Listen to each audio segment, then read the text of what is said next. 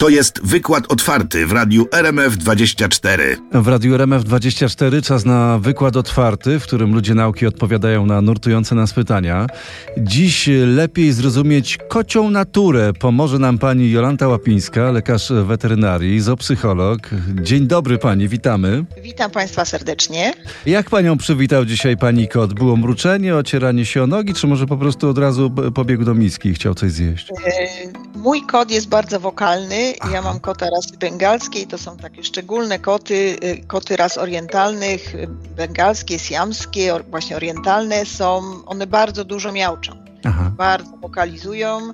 To jest charakterystyczna cecha tych kotów i e, no, mnie budzi taki głośny śpiew mojego kota rano, który już się dopomina, że to już czas wstać i nakarmić kota, więc krzykiem, krzykiem mnie swoim. Budzika pani nie musi nastawiać w każdym Nie, razie nie, rano. nie muszę, nie muszę. Pytam e, o to przywitanie, bo e, no, jest takie powiedzenie o tym, że e, to nie my mamy koty, tylko koty mają nas. One pewnie nie wzięły się znikąd, bo na przykład często słyszy się taką opinię, że koty nie witają nas w drzwiach tak radośnie i wylewnie jak na przykład psy. Na kocią miłość O. trzeba sobie zasłużyć? Trzeba sobie zasłużyć, ale to też nie jest do końca prawda, co pan powiedział, bo koty są zwierzętami bardzo społecznymi. Mhm. E, tylko one troszkę inaczej się witają e, niż to robią psy. Mhm. E, Jak zaprzyjaźnione koty się spotykają, to pierwszy sygnał jest tak zwany sygnał ogonowy, czyli ich ogony postawione są pionowo do góry Mhm. i one idą na, sie- na wprost siebie z tymi ogonami postawionymi do góry, podchodzą, dotykają się noskami i ocierają się. To ocieranie się e, oznacza e, właśnie takie interakcje społeczne e, i koty ocierając się nam o nogi znaczą nas swoim zapachem. To jest właśnie taka interakcja społeczna. No i każdy kot wytwarza sobie ze swoim opiekunem całą taką komunikację, czyli polega to na tym, że opiekun szybko uczy się, w jaki sposób reagować na dane zachowanie kota, Mhm. i potem kot wie, y, jeżeli coś chce od człowieka wyegzekwować, jaki ma sygnał wydać, i czy zamiauczeć, czy też się otrzeć o nogi i tak dalej.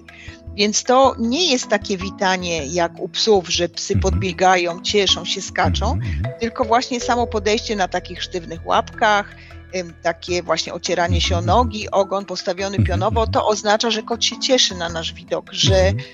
y, że nas wita tak, w ten sposób. Y, Koty są też rytualistami, więc Aha. każdy kot ma jakiś rytuał. Jeżeli na przykład y, ktoś ma ze swoim kotem taki rytuał, że wchodzi do domu, kot się ociera, po czym się kładzie na plecach i trzeba go głaskać po Mhm, brzuszku, to jest zrytualizowane powitanie. A jak postrzegają nas koty? Jest w ogóle cała taka gałąź y, nauki, która nazywa się antrozoologia. Mhm. Ona dotyczy interakcji ludzi z innymi gatunkami zwierząt.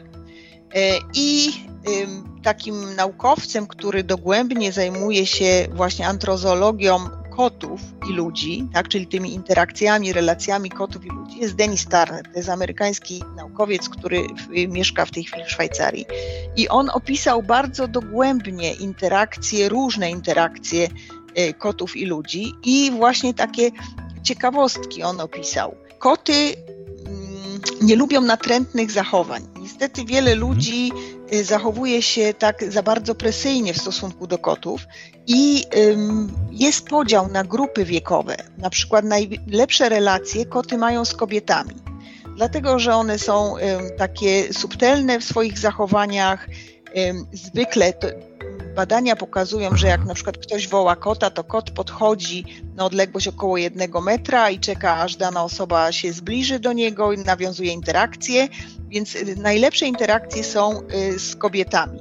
Też y, badania pokazują, że kobiety nawiązując kontakt z kotem schodzą do jego poziomu, czyli kucają albo siadają na podłodze, natomiast mężczyźni z poziomu krzesła wyciągają tylko rękę. Aha. To już wiem, Natomiast dlaczego kot tak uwielbia przesiadywać na kolanach mojej mamy. Tak, tak. I, Non e, stop by to robił. Naj, najmniej koty lubią nastolatków, chłopców w wieku Aha. tam kilkanaście do 15 lat, bo oni y, są zbyt nachalni, zbyt ym, Nie są tacy delikatni, mało tak? subtelni w Mhm, swoim mhm, zachowaniu. Tak, więc mhm. tu są naj, najsłabsze te relacje. mhm. Y, I A takie kot, całkiem małe dzieci? Tam E, powiedzmy do, do całkiem czterech małe lat, w wieku dzieci, przedszkolnym, żłobkowym. Mhm. No, one nie mają wyczucia i Mhm, dlatego też mając takie dziecko powinniśmy zagwarantować kotu możliwość ucieczki, żeby on sobie gdzieś wskoczył i, Mhm. e, i mógł uniknąć interakcji z takimi, e, właśnie z takim dzieckiem, też Albo trochę trzeba mieć sterować ruchem. wyjątkowo cierpliwego kota. Są też takie koty, Mhm. ale to musi być jego decyzja, bo też badania pokazują, że tylko ci mają harmonijne, ci ludzie y, mają harmonijne relacje ze kotami, Mhm. którzy potrafią zaakceptować to, że kot decyduje o tym, kiedy jest interakcja i jak długa jest ta interakcja. Mhm. I też badania potwierdzają, że im ktoś ym, więcej nawiązuje tych interakcji i usilniej zabiega o ten kontakt z kotem, tym te interakcje są coraz krótsze. Kot skraca interakcję i odchodzi. Mhm. Ym, Bo mm, no właśnie no, koty lubią kontrolować sytuację Mhm. i y, decydować o tym właśnie, kiedy ma być pogłaskany, jak ma być pogłaskany i jak długo. I wtedy one odchodzą. Mhm. No to- jest to, o czym mówiliśmy na początku, czyli na kocią miłość e, trzeba sobie zasłużyć między innymi Tak, tym zachowaniem tak. i zrozumieniem e, kociej natury. A czy koty mogą nas kochać? Tak, koty kochają bardzo i zarówno swoich opiekunów, jak też y, jeżeli koty y, się przyjaźnią, to też swoich no, współtowarzyszy kotów. To czasem po śmierci, y, właśnie jeżeli koty żyją razem po śmierci jednego z kotów, y, kot tak samo przeżywa żałobę. Y, Tak samo na przykład po śmierci ukochanego opiekuna, jeżeli trafia w zupełnie inne miejsce, no raz, że jest to szok, bo jest duża zmiana, ale też koty przeżywają żałobę. Więc z całą pewnością nas koty kochają. Mhm. Tylko, no właśnie one. Ja powiem tak, ja postrzegam koty jako takie osoby, osobowości bardzo szczere. Mhm. Y, One nas nie oszczędzają, tak? Jeżeli kot kogoś nie lubi, coś mu się nie podoba, to on to otwarcie wyrazi. Aha. E, pokaże, podrapie, zyknie, odejdzie. Tak? Natomiast psy, one takie są bardziej spolegliwe i nawet Aha. jeżeli ym, ktoś tam niezbyt dobrze je traktuje, no to one starają się tak utrzymać taką dobrą relację. Natomiast koty nie. Jeżeli na przykład kot jest wychodzący y, i do domu trafi na przykład do jego domu trafi pies, albo nie wiem, małe dziecko, albo ktoś, kto mu się nie podoba, to on po prostu bez problemu przeprowadzi się do sąsiada Mhm. i tyle, tak? Znajdzie sobie odpowiednie miejsce.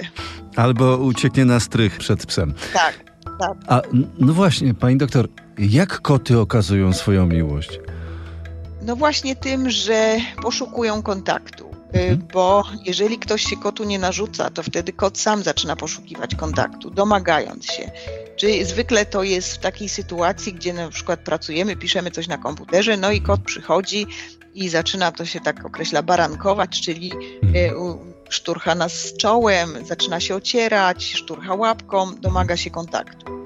I też są takie badania, które pokazują, że koty przedłużają życie. Proszę. Y, Czyli, ale to tylko niektórym osobom, tym Aha, Trzeba które- zasłużyć sobie. właśnie, tym, które są w stanie przerwać pracę i nawiązać chwilę interakcji z kotem, pogłaskać go w takiej sytuacji, dlatego że głaskanie kota obniża tętno, y, spowalnia oddechy, powoduje wyrzut oksytocyny, zachodzi bardzo dużo Mhm. dobrych procesów u nas y, w organizmie, kiedy właśnie głaszczemy tego kota.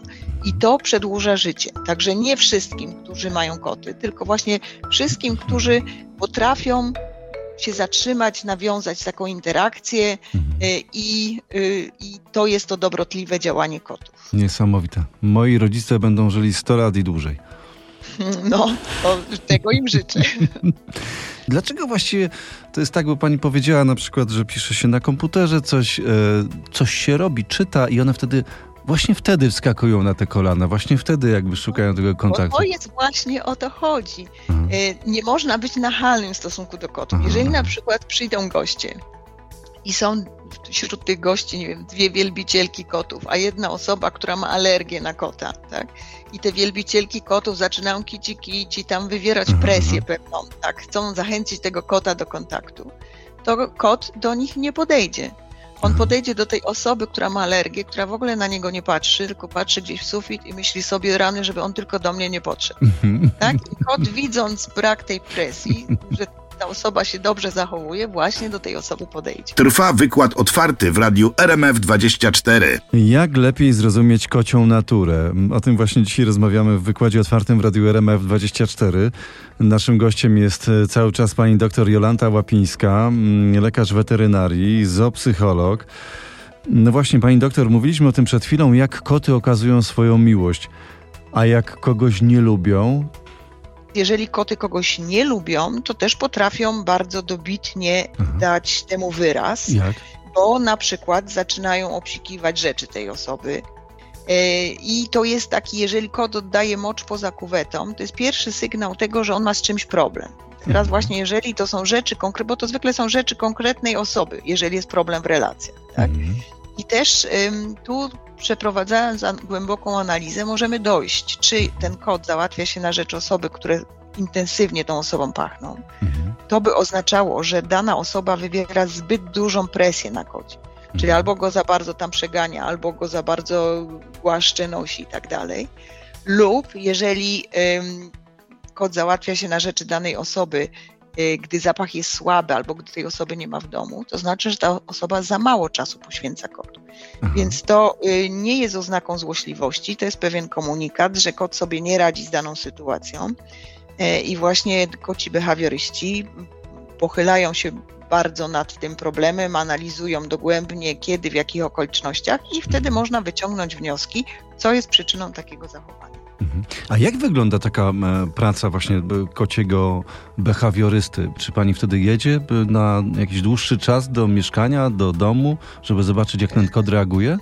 Wizyty czasem mogą wnieść dużo, znaczy wnoszą o tyle dużo, że można zobaczyć środowisko życia kota. Mhm. Dlatego, że no, koty, te głównie nie wychodzące w tej chwili mamy zamknięte w mieszkania, to, to nasze mieszkanie jest całym ich życiem, całym ich światem. Mhm. E, I mm, przeprowadzając analizę głównie warunków środowiskowych, możemy y, wyciągnąć wnioski na temat możliwości realizacji naturalnych potrzeb tego zwierzęcia, bo to jest Mhm. zwierzę drapieżne, to nie jest taki pluszak, który nam tylko leży na kolanach i mruczy, tylko on y, potrzebuje dużo aktywności, potrzebuje Mhm. polowania zakończonego sukcesem. To jest treść jego życia, tak? I Mhm. Wizyta pozwala na przeanalizowanie właśnie tych warunków środowiskowych. E, Zobaczenie, w jakich warunkach na przykład miejsca zabaw, przeprowadzenie analizy, w jaki sposób domownicy się bawią z kotem, czy to jest dobrze zorganizowana zabawa, czy nie, bo Mhm. e, zabawa z kotem to jest cała sztuka. To nie polega na tym tylko, żeby machać kotu przed nosem piórkami jakimiś, tylko ta zabawka musi naśladować ruchy ofiary, czyli gdzieś tam pojawiać się, znikać. I kot finalnie musi ją upolować, żeby mieć właśnie sukces. M, Trzeba w zabawie zamknąć pełną sekwencję łowiecką. Ym, Też y, sprawdzamy, czy ma możliwości ukrycia się, czy ma możliwości odizolowania się, czy jeżeli jest kilka kotów, nie ma jakichś wrogich relacji między tymi kotami. Mhm. Y, To są bardzo ważne dane środowiskowe. Natomiast y, czasem jest tak, że w czasie wizyty behawiorysty kot w ogóle nie wyjdzie z podłóżka, bo Tak, boi się wyczuwa, na przykład tak? nowych osób. Aha. Tak. Y, Więc y, no, niemniej jednak, y, obserwując właśnie dom i zachowanie domowników, pracuje się głównie poprzez zmianę zachowania domowników. Mhm. E, Tu praca polega głównie na tym, żeby wytłumaczyć, dlaczego co się dzieje, jak zmienić, jak zmienić kuwetę, gdzie ewentualnie ustawić, jakie zmiany wprowadzić w środowisku, żeby kot zaczął się inaczej zachowywać. Bo Mhm. jeśli chodzi o mm, modyfikację zachowań kotów, to nie robi się tego w sposób bezpośredni, oddziaływując na kota, czyli na przykład, nie wiem, karząc go za to, że wszedł na stół, czy, y, czy coś tam źle zrobił, Mhm. tylko u kotów modyfikuje się ich zachowanie poprzez modyfikację środowiska. To jest troszkę bardziej takie ym, wymagające. Czyli Mhm. jeżeli na przykład nie chcemy, żeby kot wchodził nam na stół, to musimy sprawić, żeby ten stół był niemiły dla kota, żeby kot go postrzegał jako miejsce, gdzie nie warto wchodzić, bo tam jest niemiło. Jak Czyli na przykład możemy ten y, stół ym, wykleić taśmą dwustronnie klejącą. Także jak kot wskoczy, oczywiście tam na, na początek zafoliować folią stretch, na to nakleić taśmę klejącą. Y, Czyli jak kot wskoczy, jak mu się tam łapki zaczną przyklejać do powierzchni i on skoczy tak dwa, trzy razy, to stwierdzi, że nie, tam w ogóle nie ma co wchodzić, bo tam jest źle. Mhm. Tak, on sam to musi wymyśleć i wtedy przestanie zrobić Aha. y, to robić. Bo jeżeli będziemy go przeganiać, żeby on na ten stół nie wskakiwał, to Mhm. osiągniemy tylko tyle, że no jak będziemy siedzieć przy tym stole, to kot nie wskoczy, ale tylko wyjdziemy z pokoju, a kot już będzie na stole. I po ciastkach. Tak, i nie o to chodzi. No więc tutaj właśnie y, to zupełnie inaczej się pracuje z kotami, właśnie poprzez modyfikację środowiska, Mhm. poprzez wprowadzenie takich zmian, które ukierunkują te koty, żeby robiły tak, jak my chcemy, ale to Mhm. one mają same wymyśleć to. Tak, to ma być ich decyzja. A co z kotami wychodzącymi? Mówiliśmy teraz o tych kotach, które są cały czas w mieszkaniach czy, czy w naszych domach, a koty wychodzące, pozwalać im, niech sobie idą, e, bać się o nie, jak e, znikają, bo czasami nie ma ich nawet 2-3 dni, potem wracają. Y, Jeżeli mieszkamy w okolicy, gdzie nie jest bezpiecznie, no to nie można tych kotów wy- wypuszczać. Natomiast no, y, mieszkając w bardzo bezpiecznej okolicy, y, gdzie się ma zabezpieczoną posesję, Wsi E, no spokojna, właśnie- wsi wesoła na przykład. No to- trudno jest tego kota nie wypuszczać i mieć wszystkie drzwi pozamykane. Y, Tym bardziej, że koty naprawdę cieszą się tym, że mogą się wytarzać w piasku, Mhm. że mogą sobie zjeść trawę, y, że mogą poleżeć y, na słońcu. Mhm. W tej chwili jest taka nagonka, że koty zabijają ptaki, że to duże zniszczenie środowiskowe powodują, natomiast są badania, które pokazują, że wcale tak nie jest, y, Mhm. że te y, wyniki badań nie są do końca, y, znaczy, że te dane, które o tym mówią, nie są do końca takie pewne. Mhm. I też wszystko oczywiście zależy od liczebności danej populacji kotów. Mhm. E, Mówił Pan o znikaniu kotów. Ja kiedyś mieszkałam na takim osiedlu e, segmentów, gdzie Mhm. u moich sąsiadów był jeden kot i właśnie on znikał tak na 2-3 dni. Mhm. I okazało się, to miejscowy weterynarz wykrył, że z tym samym kotem przychodziły do weterynarza trzy różne rodziny, bo on mieszkał w trzech różnych domach, tak. Więc y, po prostu raz sobie chodził do tych, raz do tych i, i Mhm. miał się bardzo dobrze. Znakomicie na pewno nigdy głodny nie chodził i zawsze był e, mega zdrowy. Tak, zaopiekowany. Dobrze, że weterynarz to wykrył, bo by szczepił jednego kota trzykrotnie. Całe szczęście, spostrzegawczość jest e, ba bardzo ważna. To jest wykład otwarty w Radiu RMF24. Pani Jolanta Łapińska, lekarz weterynarii, zoopsycholog e, zostaje z nami. Koty najczęściej postrzegane są jako te e, no, chodzące swoimi ścieżkami, te, takie bardziej introwertyczne. To jak jest tak naprawdę z tym charakterem u kotów? U kotów są zarówno introwertycy, jak i ekstrawertycy. Aha. Y, Czyli tak jak u nas. Tak, tak. Y, I ym, też są takie skłonności rasowe. Są rasy Aha. bardzo przyjacielskie, y, takie łatwe w obejściu. Są rasy bardziej Mhm. terytorialne, Mhm. które mają większe kłopoty z zaakceptowaniem na przykład drugiego y, kota. To jakie to y, są rasy? rasy, proszę nam powiedzieć. które lubią się bardzo bawić, bardzo duży poziom energii. No Mhm. takie bardzo zabawowe, no to są właśnie bengalskie, Mhm. ym, bardzo takie sprytne. To są na przykład Siamy. Mhm. Brytyjczyki są takie no, powolne, ciapowate, powiedziałabym nawet. Mhm. I to jest bardzo ważne, żeby nie łączyć takich kotów, tak? bo taki Aha. kot Brytyjczyk sobie ze Siamem czy z bengalskim nie poradzi zupełnie. Mhm. E, łączymy na zasadzie podobieństwa e, tego samego temperamentu, takiej samej osobowości, więc e, podobnego wieku, tą samą płeć, więc nie łączymy ze sobą skrajności, bo to ym, żaden z tych kotów nie spełni potrzeb tego drugiego kota. Mhm. Jakie to ważne. Więc to też jest skomplikowane. Tak, w ogóle takie interakcje społeczne kotów. Ym, może tu taka definicja etogramu. Etogram to jest zbiór zachowań danego gatunku w jego środowisku naturalnym. I gatunek kota to są zarówno koty wolno żyjące, dzikie, jak też i koty żyjące w domach, zamknięte w domach. To jest jeden i ten sam gatunek, w związku z tym ma jeden i ten sam etogram. I etogram kotów bada się na podstawie kotów wolnożyjących, tak, na które nie wpływają y, y, ludzie. Y, no i mm, te badania potwierdziły, że koty mają bardzo elastyczny system społeczny, mhm. który zależy od zasobności obszarów pokarm. Mhm. Jeżeli jest bardzo ubogi obszar w pokarm, to mhm. kotka Y, żyje raczej sama i przepędza swoje młode w wieku 6 miesięcy. Ona mówi, no dość tego, idźcie sobie, radźcie sami. Mhm. Zarówno kotki, jak i kocurki.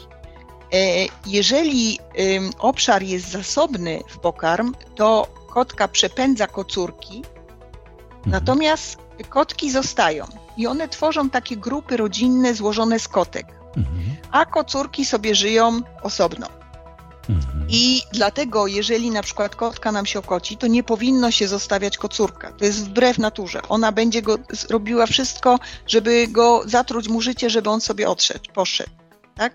Więc tego nie powinniśmy robić. Mhm. Jeżeli jest obszar bardzo zasobny w pokarm, to tworzą się całe kolonie takie kotów, które składają się z, z grup rodzinnych, ale te grupy rodzinne, one ze sobą nie współpracują, tylko konkurują o dobre miejsca, o pokarm, y, więc też mogą być koci samotnicy, mogą być duże grupy, w zależności od warunków. Koty są bardzo elastyczne, potrafią się zaadoptować do różnych warunków mhm. y, i, mm, i to właśnie pokazują te koty wolnożyjące. I na przykład zagęszczenie kotek na danym obszarze zależy od y, właśnie od pokarmu, mhm. a zagęszczenie kocurów zależy od zagęszczenia kotek. Tak, jeżeli tych kotek jest mało, no to kocurów też będzie mało. Tak? I takim obszarze ubogim y, w jedzenie to są z reguły duże kocury, bo one muszą walczyć o dostęp do kotki, a w takim y, bogatym w pokarm y, obszarze są mniejsze kocurki, bo one sobie żyją tam na obrzeżach tych grup rodzinnych mhm. kotek i te kotki też wolą takie nawet te mniejsze kocurki, ale takie znajome niż jakiegoś obcego. Także to są skomplikowane systemy społeczne, mhm, mhm. tu nie można tego tak e, upraszczać i właśnie bardzo zachęcam wszystkich z Państwa do poczytania o kotach, bo one mają bardzo ciekawe osobowości, właśnie ciekawe systemy społeczne i strasznie przykro jest, jak czasem e, obserwuję, że ludzie traktują koty jako takie e, pluszaki. Tak? I Y, takie po prostu zwierzątka do przytulania, do głaskania i, i, i tylko do karmienia. Y, nie, nie powinniśmy tak traktować kotów, y, bo to są bardzo ciekawe zwierzęta z bardzo ciekawymi osobowościami. Ja zawsze powtarzam, że poprawą jakości życia zwierząt jest edukacja ludzi, więc zachęcam Państwa całym sercem do zdobywania wiedzy na temat kotów, na temat Państwa pupili. I dlatego też między innymi o nich e, rozmawiamy w Radiu RMF 24. E, A jak my możemy im okazać naszą miłość? Na przykład, e, jakimi smakołykami możemy dopieszczać nasze koty? Co one najbardziej lubią? No i tu, tu też właśnie dochodzimy do sedna, bo miłość okazuje się nie tylko smakołykami, nie tylko posłankami i y, pieszczeniem kotów, ale też właśnie nadaniem sensu ich życiu czyli umożliwienie realizacji naturalnych zachowań, czyli przede wszystkim poprzez zabawę. Powinniśmy się dużo z kotami bawić. Y, codziennie organizować taką sesję zabawy. To nie jest długa sesja, to jest kilka minut, ale mhm. tak ją zorganizować, żeby kot y, był zaciekawiony, żeby odnosił sukcesy. Mhm. Jest bardzo dużo różnych zabawek, takich które mm, są na przykład takie rybki y, na baterię, mhm. Y, gdzie można włożyć do jakiejś miski z wodą i kot sobie tam ją obserwuje, próbuje złapać. Ja też nie jestem zwolennikiem takich mechanicznych zabawek, że tam ym, jakieś piórko kręci się dookoła i kot mhm. siedzi i tylko na to patrzy. Mamy kota po to, żeby się z nim bawić, żeby nawiązywać interakcje. E, ale właśnie wprowadzanie różnego typu zabaw, jeżeli te koty są niewychodzące, to różnego za, e, typu zapachów, przynoszenia gdyby tego świata zewnętrznego do, do domu, e, mhm. po to, żeby wzbogacić życie. I tu ja kładę główny nacisk na to, żeby nadać właśnie sens życia temu kotu. Y, smakołyki jak najbardziej, ale też można podawać w taki sposób, żeby rzucać je po podłodze, tak żeby kot gonił ten smakołyk, złapał i Aha, zjadał. Tak? To aha. też Od będzie razu jest taka zabawa. forma, zabawa, forma realizacji tego instynktu łowieckiego, Mhm. żeby był sprawny fizycznie, bo Mhm. bardzo dużo kotów domowych właśnie jest otyłych. To wynika z tego, że one tylko leżą i jedzą. Kot musi się ruszać poprzez na przykład y, zainstalowanie różnych półek w domu, tak żeby takie tak zwane kociostrady, żeby te koty mogły sobie wskakiwać, zeskakiwać, y, poprzez aranżację balkonu, na przykład jeżeli kot jest niewychodzący, możemy, y, oczywiście balkon musi być osiadkowany, bo prędzej czy później jakiś ptak siądzie na barierce, kot będzie chciał go złapać i, i wypadnie, więc Mhm. powinien być osiadkowany, ale można tak zaaranżować, żeby rosły jakieś, ustawić kuwetę z trawą, w której kot się będzie mógł tarzać, Mhm. zasadzić kocimiętkę, zrobić jakieś półki. Mhm. Według mnie to jest najlepsza forma okazywania kotu miłości. Aha. Zorganizowanie takich warunków środowiskowych, w których ten kot będzie mógł być kotem. A co z muzyką? Czy koty słyszą muzykę podobnie jak my? Jak ją odbierają? Słyszą muzykę, oczywiście, że słyszą muzykę. Mają jakiś Słyszą. rodzaj muzyki ulubiony, który je nie drażni? nie. Raczej nie i y, myślę, że to jest indywidualna y, y, cecha, natomiast y, no, na pewno nie lubią głośnych y, Mhm. hałasów. Raczej cicho i raczej coś spokojnego pewnie. No myślę, że tak i to jest Mhm. kwestia przyzwyczajenia, Mhm. tak, ale żeby nie, nie było za głośno, bo y, no, wszystko w nadmiarze, czy to głośne zapachy, czy y, głośna muzyka, czy y, intensywne zapachy, Mhm. y, jeżeli są w nadmiarze, to są męczące. Mhm. Mówiłam o tych zapachach. Często na przykład też jak idę gdzieś tam na wizytę, to i, i jest jakiś dyfuzor taki zapachowy włączony do kontaktu, Tak. to też zawsze zwracam ludziom uwagę, że to dla kota, który ma znacznie lepszy węch od nas, jest bardzo męczące i nużące. I też Mhm. powinno się unikać e, takich właśnie intensywnych, e, skrajnych e, doznań, w sensie pobudzających zmysły. Bo warto o koty dbać w każdym aspekcie, w końcu to są nasi pupile.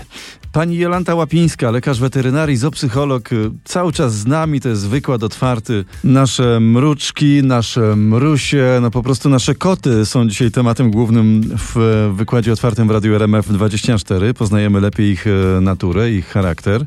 Naszym gościem jest e, pani Jolanta Łapińska, zoopsycholog, lekarz weterynarii.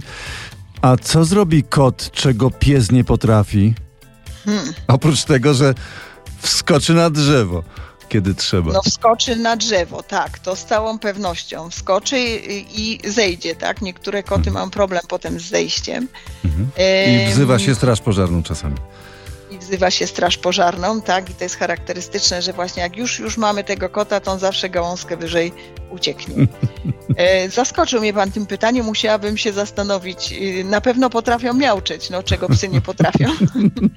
I na pewno myślę, że y, swoją osobowością no zdecydowanie potrafią bardziej okręcić sobie ludzi dookoła Mhm. palca niż psy. Bez dwóch zdań. A jak w ogóle wygląda i działa koci mózg? O czym koty myślą?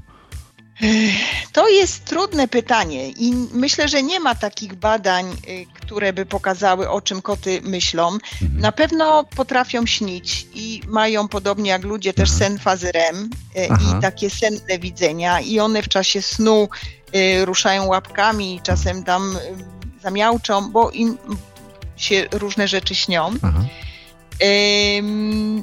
Na pewno tak samo jak y, u psów były robione badania rezonansem magnetycznym, Mhm. y, one odczuwają emocje i w momencie no, odczuwania tych emocji pobudzane są w tym mózgu te same obszary odpowiedzialne za emocje, co u ludzi i u psów. Więc bez dwóch zdań też y, um, odczuwają emocje. Są empatyczne, czyli potrafią przyjąć punkt widzenia y, drugiej y, osoby, drugiej, drugiego osobnika. I też występuje u nich taki proces zwany referencją społeczną, czyli ym, opierają się na danych uzyskanych od innego osobnika w ocenie, czy coś jest bezpieczne, czy nie.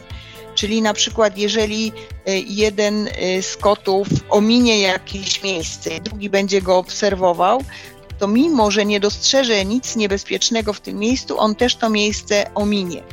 Aha. Y, To jest właśnie y, charakterystyczne dla zw- zwierząt społecznych, właśnie ta referencja społeczna. Koty też potrafią się uczyć poprzez obserwację drugiego osobnika.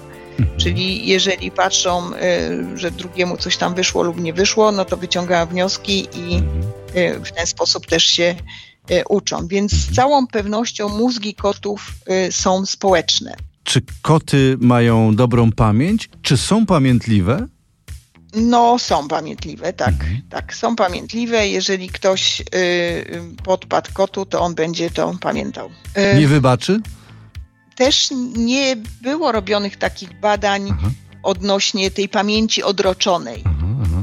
y, jak długo ona trwa. Były robione takie badania u psów, natomiast no, koty ze względu na taką ograniczoną chęć do współpracy są zdecydowanie Aha. trudniejsze. Y, W przypadku takich badań z psami były robione, jak najbardziej mają pamięć odroczoną, pamiętają y, o tym, co miały zrobić w przeszłości, w przyszłości i myślę, że u kotów jest analogicznie, tylko po prostu no, do tej pory nie były przeprowadzone odpowiednie badania. Mhm. Pani doktor, jak się lepiej dogadać z kotem? trzeba dać kotu decydować o tej interakcji, bo właśnie tylko ci, którzy y, przyjmują do wiadomości to, że y, kot powinien mieć możliwość decyzji i kot decyduje o, o tym, kiedy go głaskać, jak go głaskać i co robić.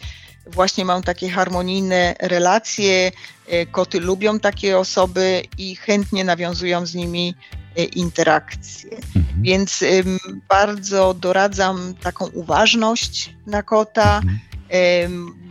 chęć zrozumienia i nie narzucanie swojej y, woli, bo y, koty nie dadzą sobie narzucić niczego, natomiast właśnie zepsuje to relacje. A czy koty oglądają z nami mm, seriale? Y, Widzą, co się dzieje w nowoczesnych telewizorach jak najbardziej widzą. Y, Często mój kot, na przykład jak oglądał mecz piłki nożnej, to biegł za telewizor sprawdzać, gdzie ta piłka poleciała tam. I też widząc na przykład ptaki drapieżne, potrafią zeskoczyć z fotela, schować się. Jak najbardziej widzą. Oczywiście nasze seriale ich nie interesują, ale właśnie jakieś y, przyrodnicze filmy, czy coś, gdzie się porusza, jak na przykład piłka, mogą koty zainteresować. A lubią chodzić z nami na spacery? Te wychodzące koty? No właśnie, y, tu jest problem taki. Często widzę ludzi, którzy niewłaściwie wychodzą z kotem na spacer. Są koty, które to lubią, ale koty są zwierzętami terytorialnymi. One nie wychodzą poza swoje terytorium. Każde wyjście poza terytorium jest dla niego stresem. W związku z tym nie chodzimy z kotami na taki spacer jak z psem, że jednego dnia idziemy do tego parku, drugiego do innego parku. Tylko zawsze chodzimy w to samo miejsce i zawsze to kot chodzi y, tam, gdzie chce. Czyli jeżeli na przykład y, stanie w jednym miejscu, czy siądzie w jednym miejscu i będzie siedział pół godziny w jednym miejscu, to grzecznie stoimy koło niego i czekamy, aż się ruszy. Tak? Nie ciągamy go, nie zmuszamy do chodzenia. On chodzi sobie tylko tyle, ile chce. Mhm. Y, I jeżeli ktoś z Państwa wychodzi z kotem na spacer, czy planuje, to doradzam bardzo, żeby wynosić go z domu w transporterze. Aha. E, Dlatego, że raz, że na spacerze sobie stawiamy ten transporter, otwieramy i kot ma możliwość podjęcia decyzji, czy on chce z niego wyjść, czy nie. Mhm. Jeżeli czegoś się przestraszy, zawsze do tego transportera może wrócić. To Mhm. poprawia jego poczucie bezpieczeństwa. A dwa, że jeżeli wynosimy z domu kota y, właśnie w transporterze, to on nie uczy się, że wychodzi na spacer przez drzwi. W związku z tym nie będzie potem siedział pod drzwiami i miauczał, że chce wyjść Aha. ani nie będzie usiłował y, uciec nam między nogami. Tak? Mhm. Y, Więc to jest no, zdecydowanie praktyczne i dobre rozwiązanie. To my w takim razie pozdrawiamy wszystkich tych, którzy e, właśnie ze swoimi kotami albo w ogóle ze zwierzakami udają się na niedzielny mm, spacer. No i bardzo dziękujemy za mm, rozmowę w Radiu RMF24. Naszym gościem była pani Jolanta Łapińska, lekarz weterynarii, zoopsycholog. Pani doktor, zostawiamy już panią w takim razie, pani kotu, bo na pewno dużo czasu poświęciliśmy na naszą rozmowę i kot się na pewno stęsknił za panią. Tak jest. Dziękuję bardzo. Życzę Państwu przyjemnego popołudnia e, i tak jak już mówiłam, zachęcam do zgłębiania wiedzy e, o Waszych pupilach, bo to bardzo dobrze ta wiedza wpływa właśnie na relacje, poprawia te wzajemne relacje a o te relacje trzeba dbać. Jeszcze raz serdecznie dziękuję.